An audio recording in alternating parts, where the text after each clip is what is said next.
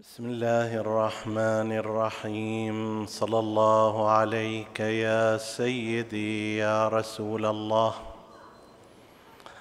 صلى الله عليك وعلى ابن عمك امير المؤمنين وعلى ابنائه المعصومين صلى الله عليك يا سيدي ويا مولاي يا أبا عبد الله الحسين ما خاب من تمسك بكم وأمن من لجأ إليكم. يا ليتنا كنا معكم فنفوز فوزا عظيما. قال الله العظيم في كتابه الكريم بسم الله الرحمن الرحيم. يريدون أن يطفئوا نور الله بأفواههم ويأبى الله إلا أن يتم نوره. ولو كره الكافرون. آمنا بالله. صدق الله العلي العظيم. حديثنا بإذن الله تعالى يكون بعنوان الإيمان بالدين والتحديات من الداخل. الديانات السماوية تواجه عادة نمطين من التحدي. التحدي الأول هو التحدي الخارجي الذي يتشكل عادة من السلاطين المعادين لرسالات الرسل. من القوى المهيمنة في المجتمع والتي لا تريد أن يعم أحكام الدين وأن يتدين الناس بأمر الله عز وجل.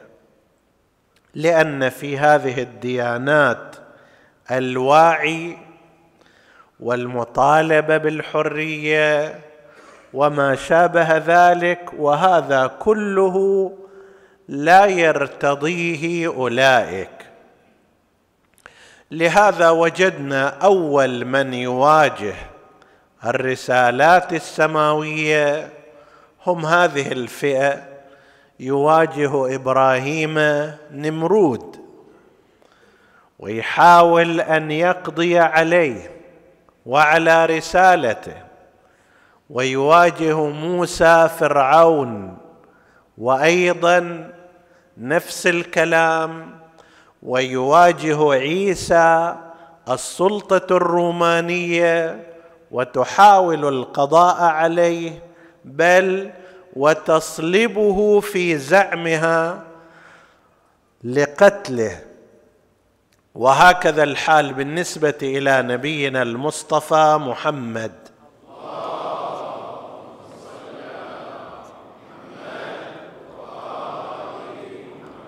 حيث واجه أو واجهه طغاة قريش وعتاتها ولاحقوه وارادوا اغتياله وبعد هجرته لحقوه إلى المدينة.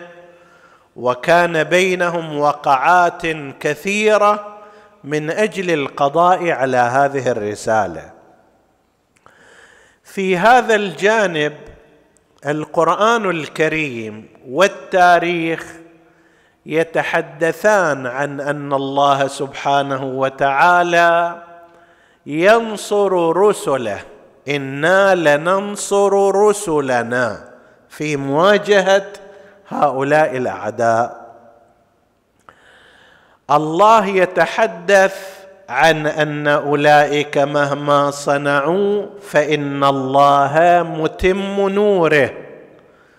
ويابى ان يطفا على ايدي هؤلاء.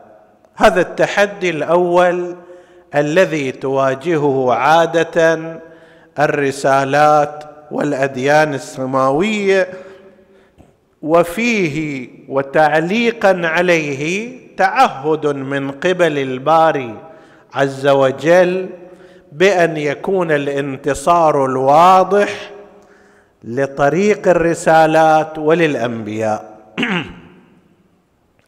التحدي الآخر الذي تواجهه الديانات السماوية هو التحدي من داخلها.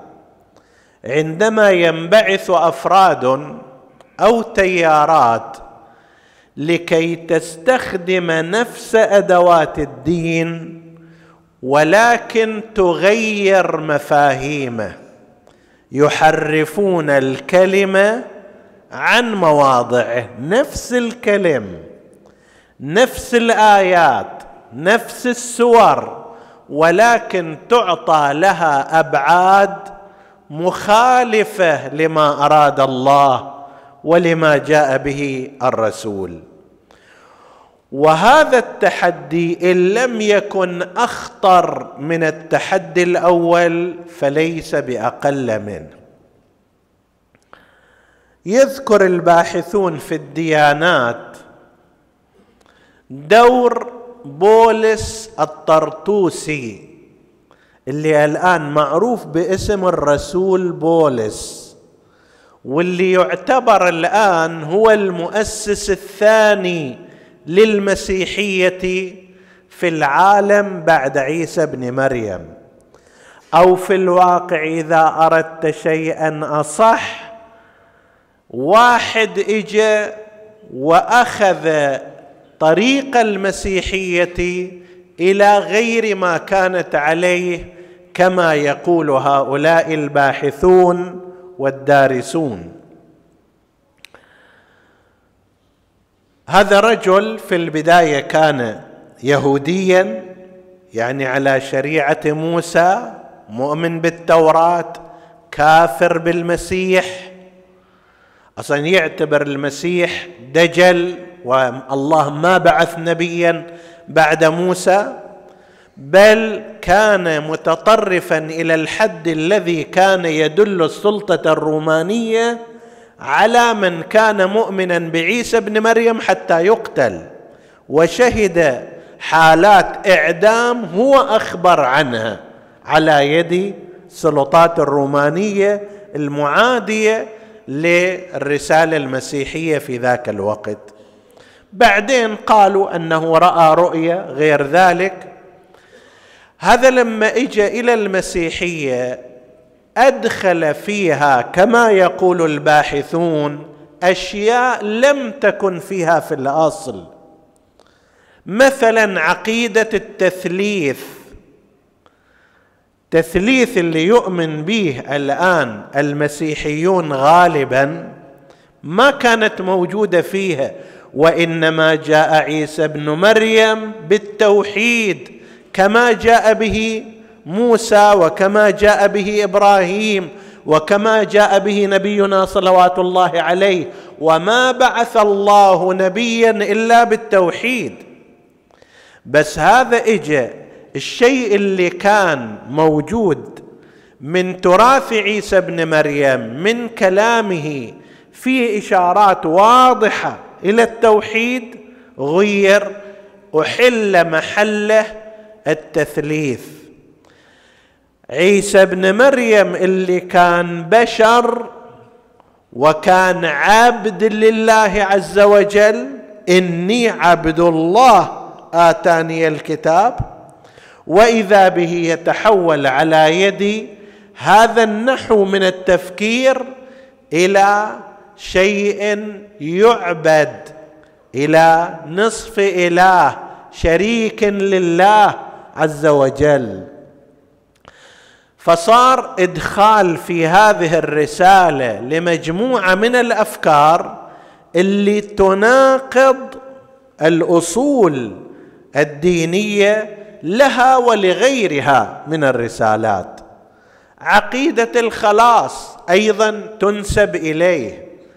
من أنه جاء بها وقال أن المسيح افتدى بدمه عندما صلب افتدى بدمه ذنوب من يؤمن به إلى يوم القيامة ما عليهم شيء خلاص.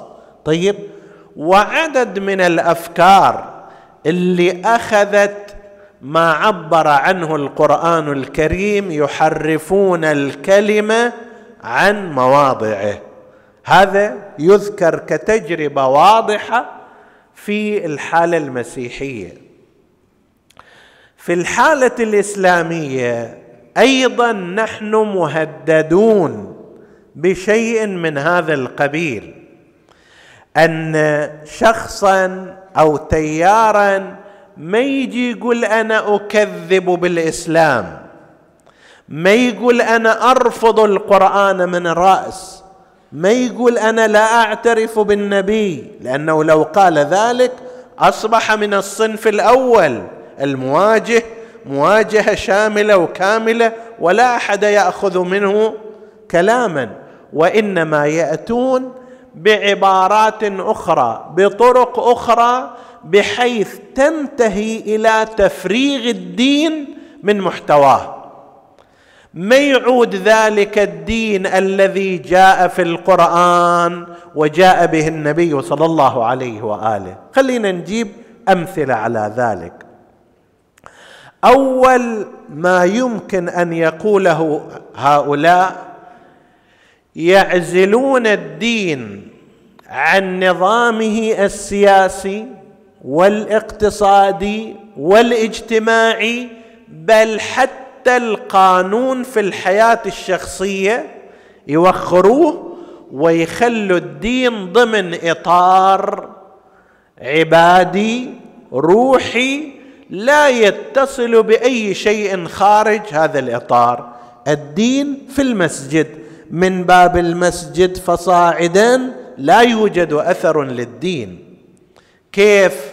يجي يقول لك وهذا الكلام متكرر في هذه الأزمنة ها؟ يقول لك النظام الإسلام ما عنده نظام سياسي ما عنده هيكلية في السياسة تشكل نظاما لهذا الزمان بحيث يقال هذا هو النظام الإسلامي. بعد أيضا ما عنده نظام اقتصادي فلا نجد كيفية إدارة البنوك والمشتريات وما شابه ذلك. فهذا لا نظام سياسي ولا نظام اقتصادي. بعد حتى في الجانب الشخصي انت رايت من يعتقدون بهذه الفكرة حتى في قضايا الزواج والطلاق والحضانة وما يرتبط بالأسرة والقوانين الشخصية. هاي يقول لك إحنا نعمل فيها بحسب القوانين الوضعية لأن كثير من بلاد المسلمين هي بهذه الطريقة. فصار النظام السياسي عزل من نظام الاقتصادي عزل من حتى ما يرتبط بالأحوال الشخصية في بعض بلاد المسلمين الآن هذا معزول. زين ما هي مساحة الدين آنئذ؟ مساحة الدين تريد دعاء اقرأ الدعاء إلى أن تتعب. تريد حالات صوفية أهلا وسهلا. تريد مسالك عرفانية لا مانع من ذلك. تريد صلوات مستحبات اشتغل فيها إلى أن تعجز. وأما ما عدا ذلك لا هذا الدين ليس كذلك. ويجيبها لك بعبارات لطيفة وجميلة وأنه المهم هو روح الإنسان تكون طاهرة وقلبه يكون نظيف وضميره يكون رائع وبديع. هذه الأمور الخارجية لا ترتبط بالإسلام. هذا في واقع الأمر إذا تريده هو المسيحية تماما. نفس التفصيل. المسيحية على أثر التغييرات اللي صار فيها قالوا المسيحية مو دين للحياة. ما تنظم السياسة ولا تنظم الاقتصاد. ما عندنا حتى قانون ميراث في المسيحية. ما عندنا معاملات كيف نجريها في المسيحية. كيف نتزوج كيف نطلق كيف نرث كيف نورث؟ هذا كله مو من صوب الدين. هذا من صوب القوانين التي يتعارف عليها المجتمع. أما ما يرتبط بالمسيحية طهر قلبك وتعال فد يوم إلى الكنيسة أدي هذه المراسم العبادية. هذا كل ارتباطك بالدين. اللي يمشي في هذا الخط بالنسبة إلى الإسلام سوف ينتهي إلى مثل هذا أن الدين الإسلامية هو مسيحية ولكن نشأت في الجزيرة العربية. ما عندهم أي إدارة للمجتمع للسياسة للاقتصاد لغير ذلك من الأمور. للأسف ساعد على هذا الأمر. التجارب السيئة التي نفذها بعض المنتمين إلى الإسلام والآخذين لعنوان الإسلام من أفراد من حركات من تيارات وذاقت الأمة على أثر هذه التجارب منهم الويلات. يجي تيار يقول إحنا عندنا الإسلام هو الحل والشريعة هي الكذا ويطبق الإسلام بحسب فهمه الخاطئ تطبيقا ممجوجا سيئا عنيفا منفرا بحيث إذا تقول له أي واحد هذا هو الإسلام يقول لك إذا كان هذا هو الإسلام أنا بريء منه. ولنا في هذه التوجهات والحركات اللي هالازمنه خلال هال ثلاثين أربعين سنة من الزمان نشأت وتصرفت في الأمة وتحركت فيها؟ لنا خير دليل على ذلك. القتل اللي صار التصفيات الطائفية اللي صارت المصادرات للأموال تطبيق الغلط والفهم الغلط للإسلام. هذا ساعد على أن يكون حجة أولئك وكلامهم في نوع من المعقولية. يقول الإسلام شنو؟ الإسلام هو اللي يمثلوه هؤلاء الحمقى ممن يقتل ويفجر ويذبح ويلعب بالرؤوس كما تلعب الكرة. هذا هو الإسلام. إذا كان كذلك يقول خلينا على ما نحن عليه ويبقى الإسلام في حدود المسجد. فأول تحدي من التحديات صار وهو لا يزال قائما أن يعزل الإسلام والدين والشريعة عن تمثلاتها كنظام سياسي كنظام اقتصادي كقانون في الأحوال الشخصية صحيح الإسلام ما عنده بهذا المعنى نظام يجي يرسم لك شيء كامل عن البنك وإلى بس أكو هناك تشريعات أكو قوانين أكو قيم هذه يطبقها الفقيه في كل زمان ويستنتج منها نظاما في الاقتصاد. يستنتج منها مسارا في السياسة يستنتج منها قانونا في الأحوال الشخصية. أي موجوده القوانين العامه وذكرنا في ليلة مضت أنه لو كان الدين يجي بالأرقام وبالمحددات ما كان يصلح لكل زمان ومكان. لكن جاء بالقيم جاء بالمحددات العامة جاء بالقوانين الكبرى وقال للفقيه قال للمجتهد تعال استخرج منها لكل زمان ومكان ما يناسبه من أنظمة. هذا واحد من التحديات. من التحديات الداخلية من داخل الدين نزع القداسة من المقدسات. نزع القداسة من المقدسات. فإذا شيء انتزعت قداسته صار أمر عادي إن أطعته أو خالفته إن رفضته أو قبلته إن رحبت به أو تهجمت عليه لا فرق لأن هذا ما إلى قداسة ما إلى قيمة علوية. جاء أصحاب مثل هذه التيارات والنظريات. أول شيء إجوا إلى قضية القرآن الكريم. القرآن عندنا هو كلام الله عز وجل كلام الله. هذا الكلام الذي بلغ من القداسة لو أنه كتب على ورقة جزء من آية لا يجوز لإنسان أن يمسها إلا على طهارة. الا ان يكون طاهرا. لا يمسه إلا المطهرون على أحد التفسيرين والروايات الكثيرة. طيب فهذا كلام الله عز وجل كلام الله حاك عن علم الله عز وجل وعلم الله محيط بكل شيء بما خلق وبما لم يخلق. طيب فيجي أصحاب هذه التيارات وهالتوجهات اللي تسوي التحدي من الداخل يقول لك القرآن نص من النصوص نص. والنصوص لها مناهج في نقدها وفي محاكمتها وفي تبين الخطأ منها.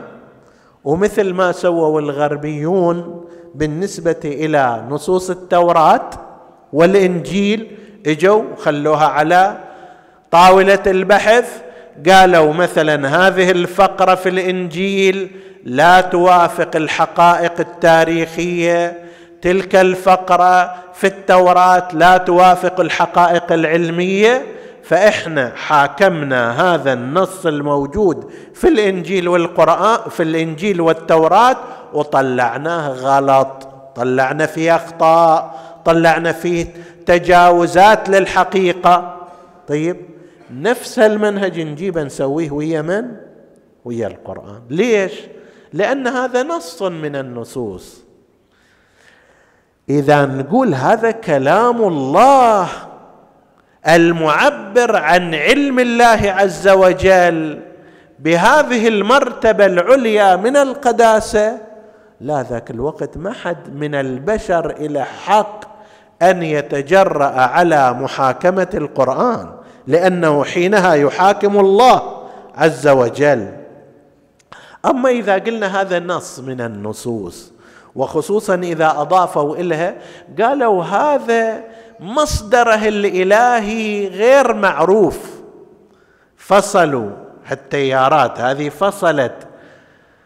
القرآن عن مصدره الإلهي. قالوا هذا القرآن مو جبرائيل جابه من السماء وكما يقول القرآن نزل به الروح الأمين على قلبك لتكون من المنذرين. وإنما شنو؟ هذه حالات انفعالية عرفانية شاعرية. كان شوف شلون يجيب كلمات لطيفة مرتبة حتى يغري بعض المبتدئين في الثقافة. هذه من عبقرية محمد جاءت هذه الكلمات. واحد يقول ما شاء الله شلون هذا كلام لطيف؟ لا ليست من عبقرية محمد ولا حرف واحد. محمد فوق العباقرة. ولكن لم يأتي بحرف واحد في القرآن. هذا كلام الله بواسطة جبرائيل والنبي محمد هو رسول ومنذر ومبلغ.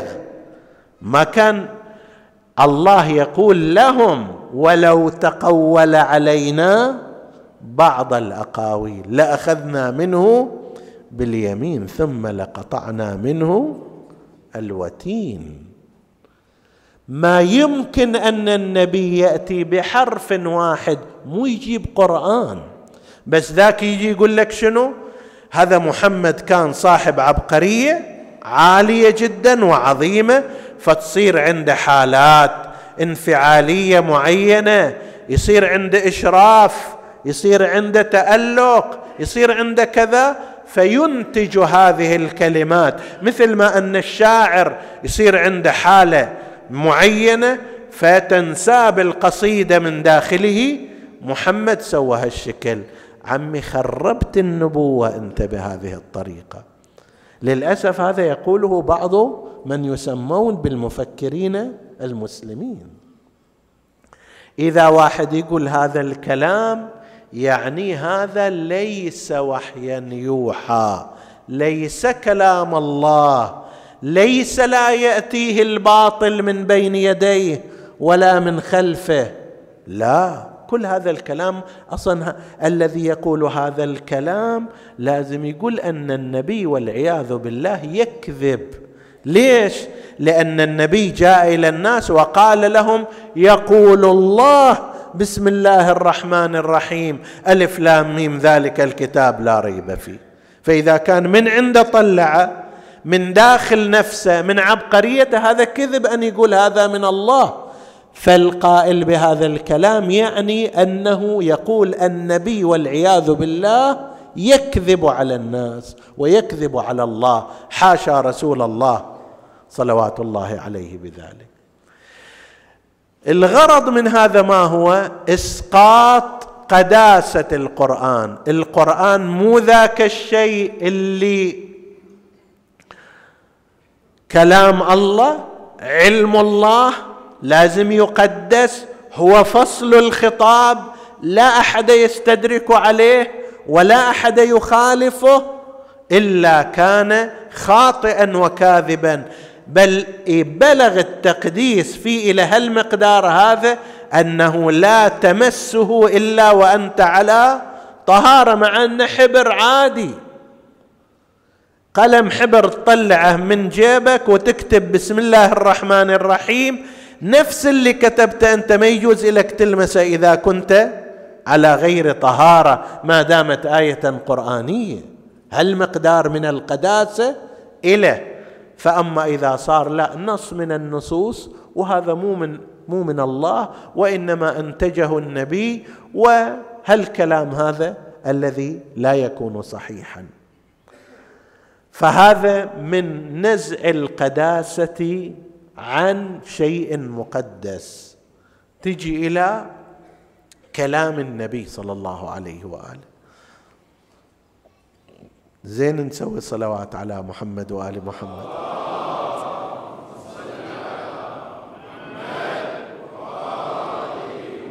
يأتي هؤلاء ويقولون أن محمد رجل من البشر صحيح نبي وهو يتأثر بمحيطه لغته ألفاظه ثقافته مو مفصول عن هذا.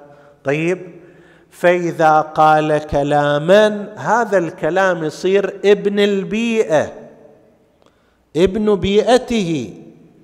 إذا صار ابن بيئته آنئذ لا يصلح لبيئة أخرى. الإنسان ابن زمنه. إذا صار النبي ابن زمنه لا يصلح كلامه لأزمنة أخرى. طيب؟ هذا في ظاهر الكلام لما واحد يجيبها خصوصا إذا كان عنده رتبة علمية وغير ذلك. طيب يقول إي والله كلام لطيف وجميل. إحنا نشوف في القرآن هالشكل كلام حول البيئة العربية. زين ماذا تقول وما ينطق عن الهوى إن هو إلا وحي يوحى؟ ماذا تقول وما آتاكم الرسول فخذوه وما نهاكم عنه فانتهوا والخطاب موجه إلى كل إنسان مسلم بنص القرآن الكريم.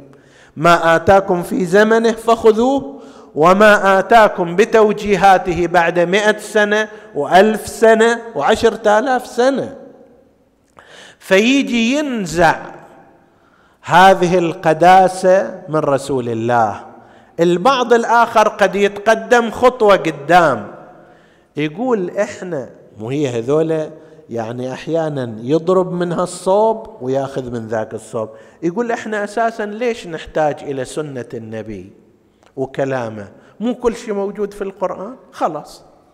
فإذا موجود في القرآن لازم ناخذ من القرآن. مو تقولوا فيه تبيان كل شيء.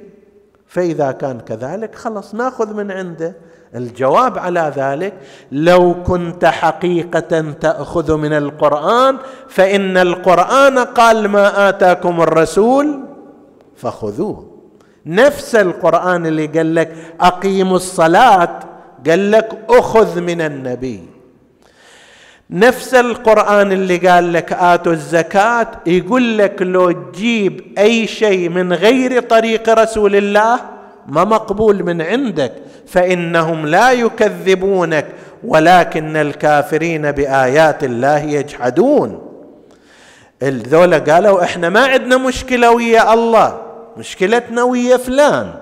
ما نبغى من صوبة نسوي كل شيء بس مو من طريقة. يقول لا هذول في الواقع لا يكذبونك أنت يا رسول الله وإنما يجحدون بآيات الله وما مقبول من عندهم الكلام.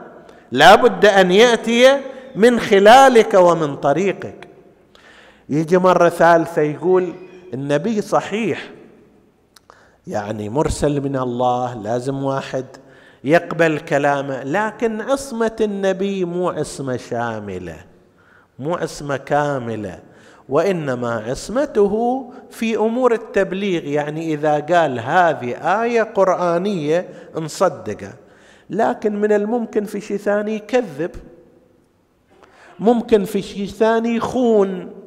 ممكن في شيء ثاني يرتكب المعصية. هذا معنى إذا قال إنسان أن العصمة هي فقط في تبليغ الوحي. معنى ذلك أنه من الممكن أن النبي والعياذ بالله في اليوم الواحد يكذب عشرين كذبة في الأمور الأخرى. فلان ما موجود يقول موجود. هو ما سوى هالعمل يقول سويته. هو ما أعطى الفقير يقول أعطيته. كذب وراء كذب ما دام. العصمة مالته فقط في التبليغ هذه مو أمور تبليغية هذه حوادث وقضايا فمن الممكن أن يكون والعياذ بالله كاذبا فيها.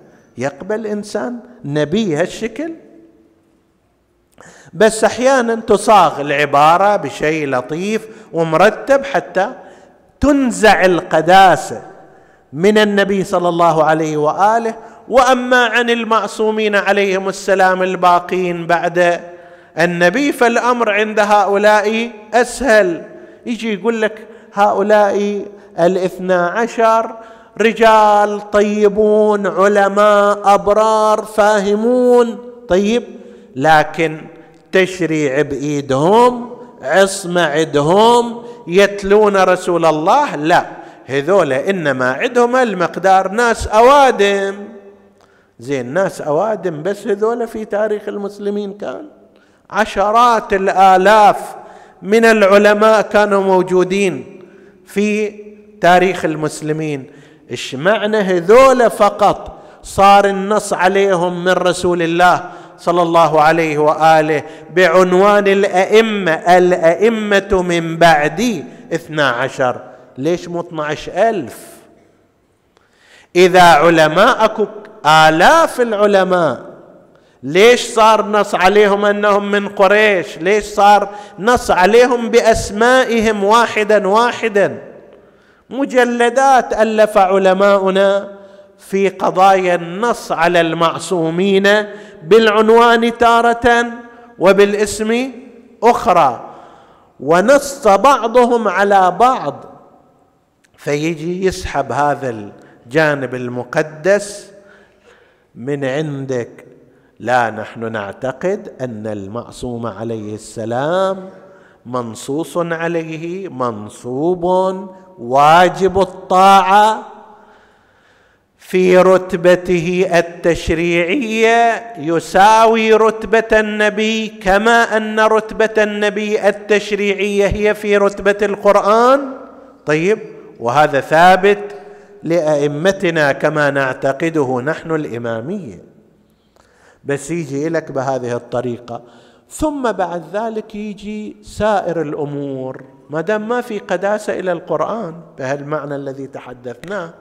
وماكو قداسة للنبي بعد راح يصير الشريعة إليها قداسة؟ كلا يقول لك هذه الشريعة والأحكام إنما هي اجتهادات لأشخاص ولا قيمة لها. في زمانها كانت نعم الآن لا تلزمنا بشيء. طيب لا تلزمك بشيء. أنت ماذا يلزمك؟ أنت الآن تريد أن تصلي. كيف تصلي؟ تريد أن تصوم تريد أن تحوج تريد أن تطبق أحكام الإسلام على نفسك وأهلك وأسرتك. كيف تصنع ذلك؟ ومن هذا الباب أيضا قضية المرجعية تجي فيها النص إنه ليش تأجر عقلك أنت إلى غيرك؟ أنت تقدر ما شاء الله. طيب أنت تقدر تستنبط وتجتهد.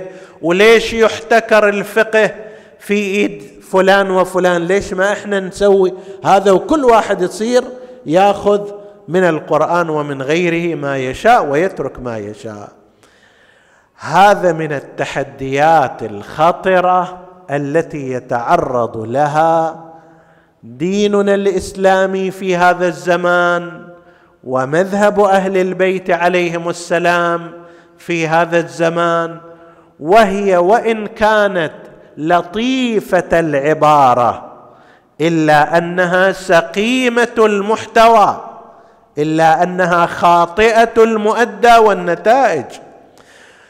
هذول إنما يسحبون القداسة عن الأشياء حتى يصير الكل متساوي. كلام القرآن مثل كلامي يصير. الآن أنا إذا جبت لك آية من القرآن لقداسة القرآن أنت تقبلها لكن كلامي مو بالضرورة تقبله. ليش؟ لأنه ما في قداسة إله ما في قيمة استثنائية. فإذا جعلت القرآن وآياته مثل كلامي مثل ما القرآن يقبل ويرد كلامي أيضا يقبل ويرد. مثل ما حديث النبي ممكن أن نرده كلام هذا أيضا يقول لك أنا كلامي ككلام رسول الله. شنو الفرق؟ أنا عندي اجتهاد وأنا عندي رأي والشريعة لازم تكون كذا وما لازم تكون كذا وعلى هالمعدل. حذار حذار. من أن يكون هناك غفلة عن ضرب القداسات ضمن المنظومة الدينية والإسلامية. نحن نرى بالعكس كلما زاد الإنسان إيمانا زاد تقديسه للمقدس حتى في درجاته النازلة. إحنا نجي نوقف على رجل ممن جاهد بين يدي الحسين ممن ناصر الدين ممن حافظ على القرآن. نقف أمامه باحترام فنقول سلام الله وسلام ملائكته المقربين وأنبيائه المرسلين وعباده الصالحين والزاكيات الطيبات فيما تغتدي وتروح عليك يا ابن أمير المؤمنين. العباس ليس من المعصومين الأربعة عشر لكن إلى مستوى من القداسة في أنه نصر الدين في وقت قل أنصاره وثبت في موقف ذهل الكثير فيه عن وقوف هذا الموقف. يقول الإمام السجاد عليه السلام وإن لعمي العباس. إمام معصوم. وإن لعمي العباس منزلة في الجنة يغبطه بها جميع الشهداء. جميع الشهداء. هذا العلماء يقولون من أكبر وأوضح أنحاء العموم هم الجمع المحلى بالألف واللام الشهداء فيه دلالة على العموم وكلمة جميع قبله أيضا تأكيد على هالمعنى. جميع الشهداء يعني حتى حمزة بن عبد المطلب أيضا يغبطه بها. يعني حتى جعفر بن أبي طالب يغبطه بها فضلا عن غيرهم. طيب جميع الشهداء هذا كلام معصوم. الإمام الصادق في زيارته تلك زيارة العباس هذه تنقل عن الإمام الصادق عليه السلام. طريقة التسليم هم طريقة عجيبة. سلام الله وسلام ملائكته المقربين مليارات الملائكة وأنبيائه المرسلين وعباده الصالحين والزاكيات الطيبات. فيما تغتدي وتروح عليك يا ابن أمير المؤمنين. أشهد لك بالتسليم والتصديق والوفاء والنصيحة لخلف النبي المرسل والصبط المنتجب والدليل العالم والوصي المبلغ فجزاك الله عن الإسلام.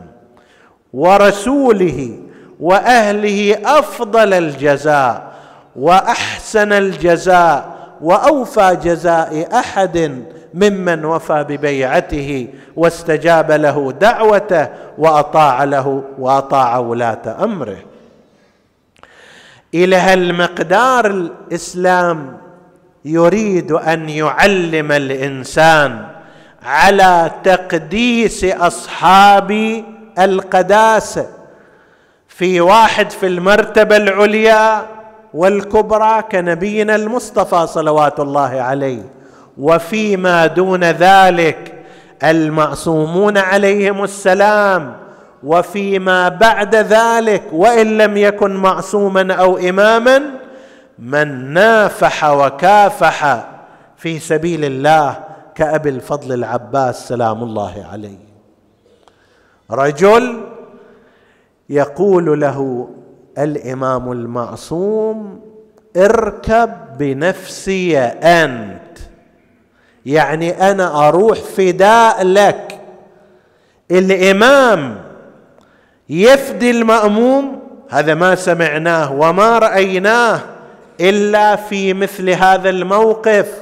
وهذه الرواية أن الحسين قال للعباس عندما أراد أن يخرج للقتال قال اركب بنفسي أنت. أنا أفديك بنفسي أنا الحسين إمامك أفديك بنفسي.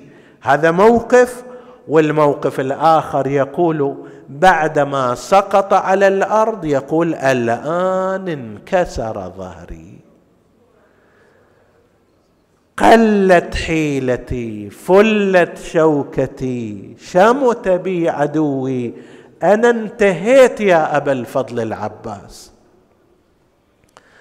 رجل بهالمستوى من القداسة والتقدير عند أبي عبد الله الحسين عليه السلام. ادخر الحسين العباس آخر سهم في كنانته. كان ضنينا به على الحرب. حتى لما العباس أول يوم العاشر قال إحنا لازم نتقدم ما نسبق إلى القتال وإلى الدفاع.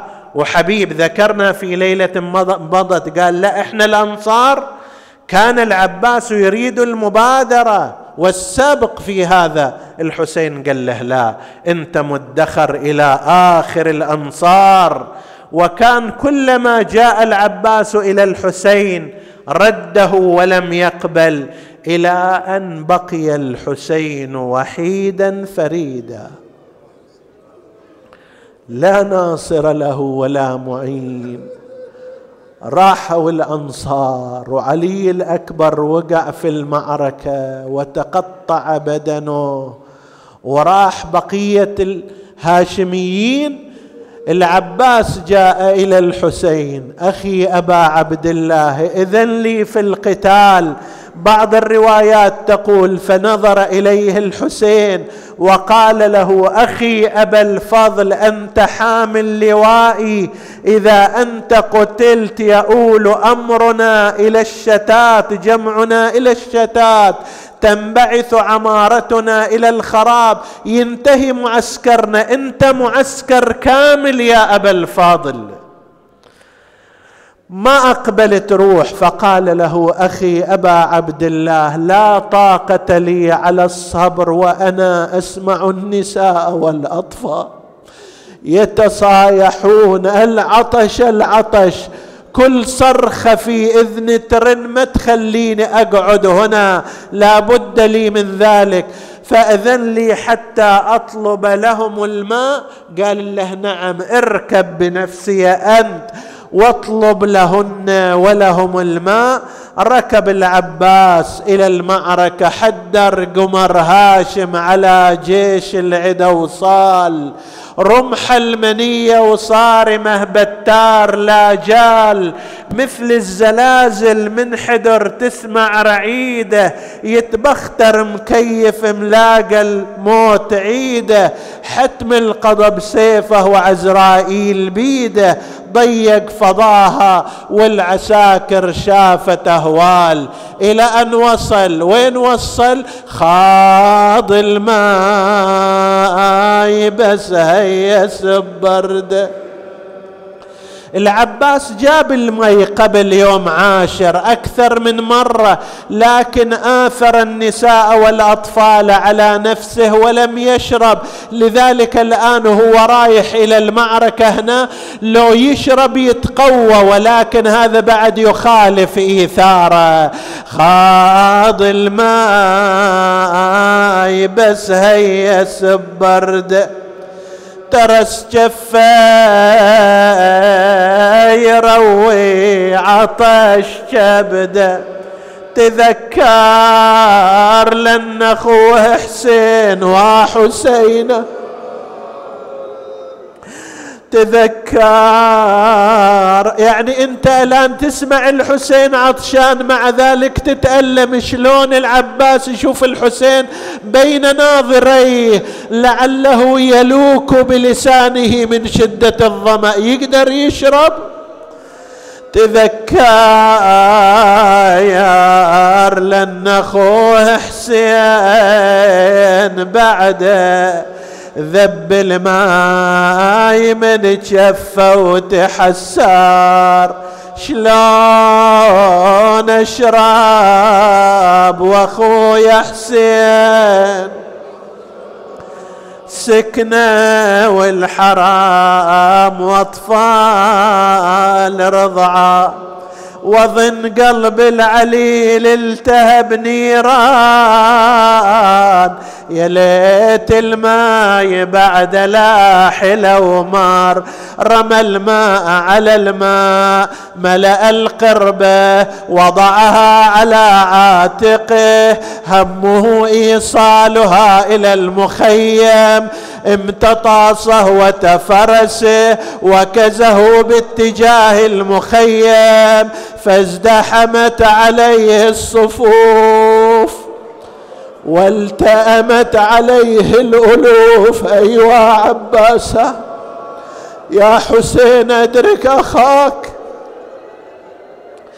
أبا عبد الله أبا الفضل في المعمعة. ازدحمت عليه الألوف من أمامه ومن خلفه بينما هو كذلك وإذا بلعين يضربه على يمينه. قطع اليمين. والله إن قطعتم يميني إني أحامي أبدا عن ديني وعن إمام صادق اليقين. أخذ السيف بشماله لا زال يقاتل دمه. يده اليمنى تنزف دما وهو يقاتل بأبي وأمي. بينما هو كذلك وإذا بلعين آخر ضرب العباس على يساره فقطعها. وقف أبو الفضل حائرا كيف يوصل القربة إلى المخيم؟ كيف يقاتل؟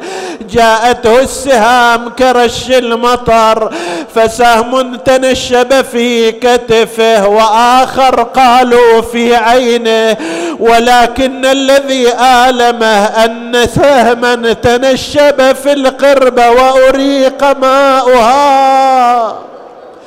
فتألم لعطش الأطفال والنساء وقف على حالته وإذا بلعين يضربه على رأسه.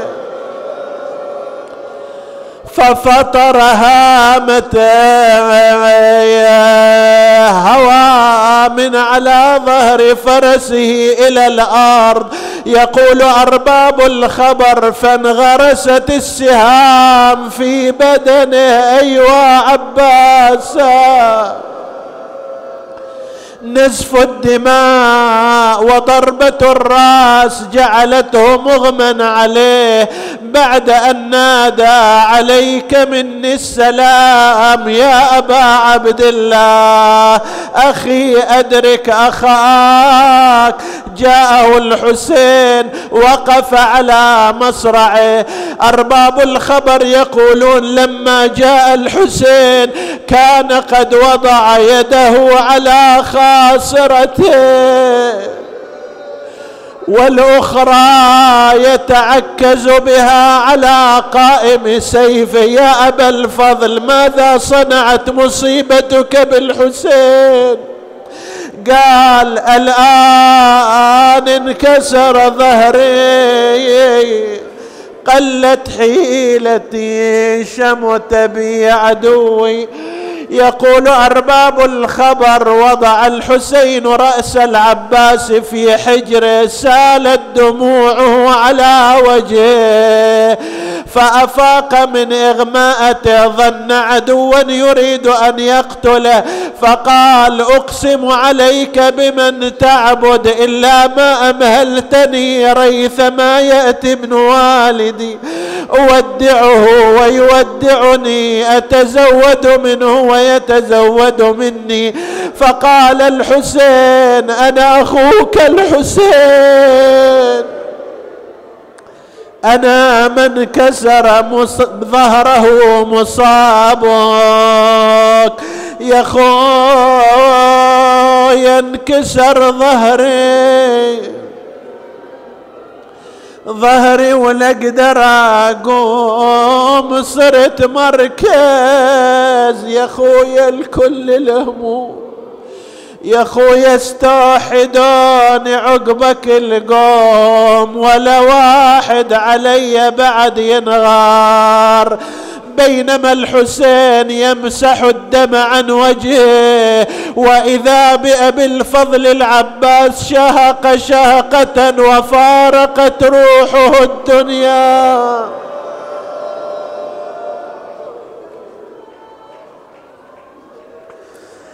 قام الحسين باكيا إلى المخيم تستقبله سكينة وزينب.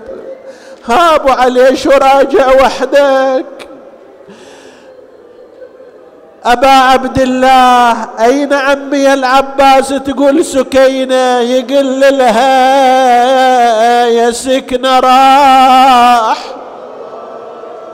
عباس راح الضيغم اللي يرفع الرأس وظل يبكي عليه الدرع والطاس. عباس هذه جيوش الشرك. قد زحفت نحوي بثارات يوم الدار تطلبني يا الله. اغفر لنا ذنوبنا كفر عنا سيئاتنا.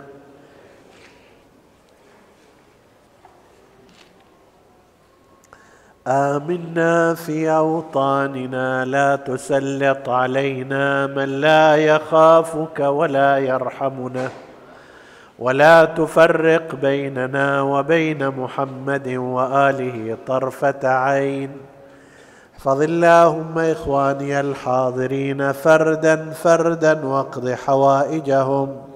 اشف اللهم مرضاهم لا سيما من أوصانا بالدعاء. اللهم اقضي حوائجهم واشف مرضاهم وتقبل عمل المؤسسين.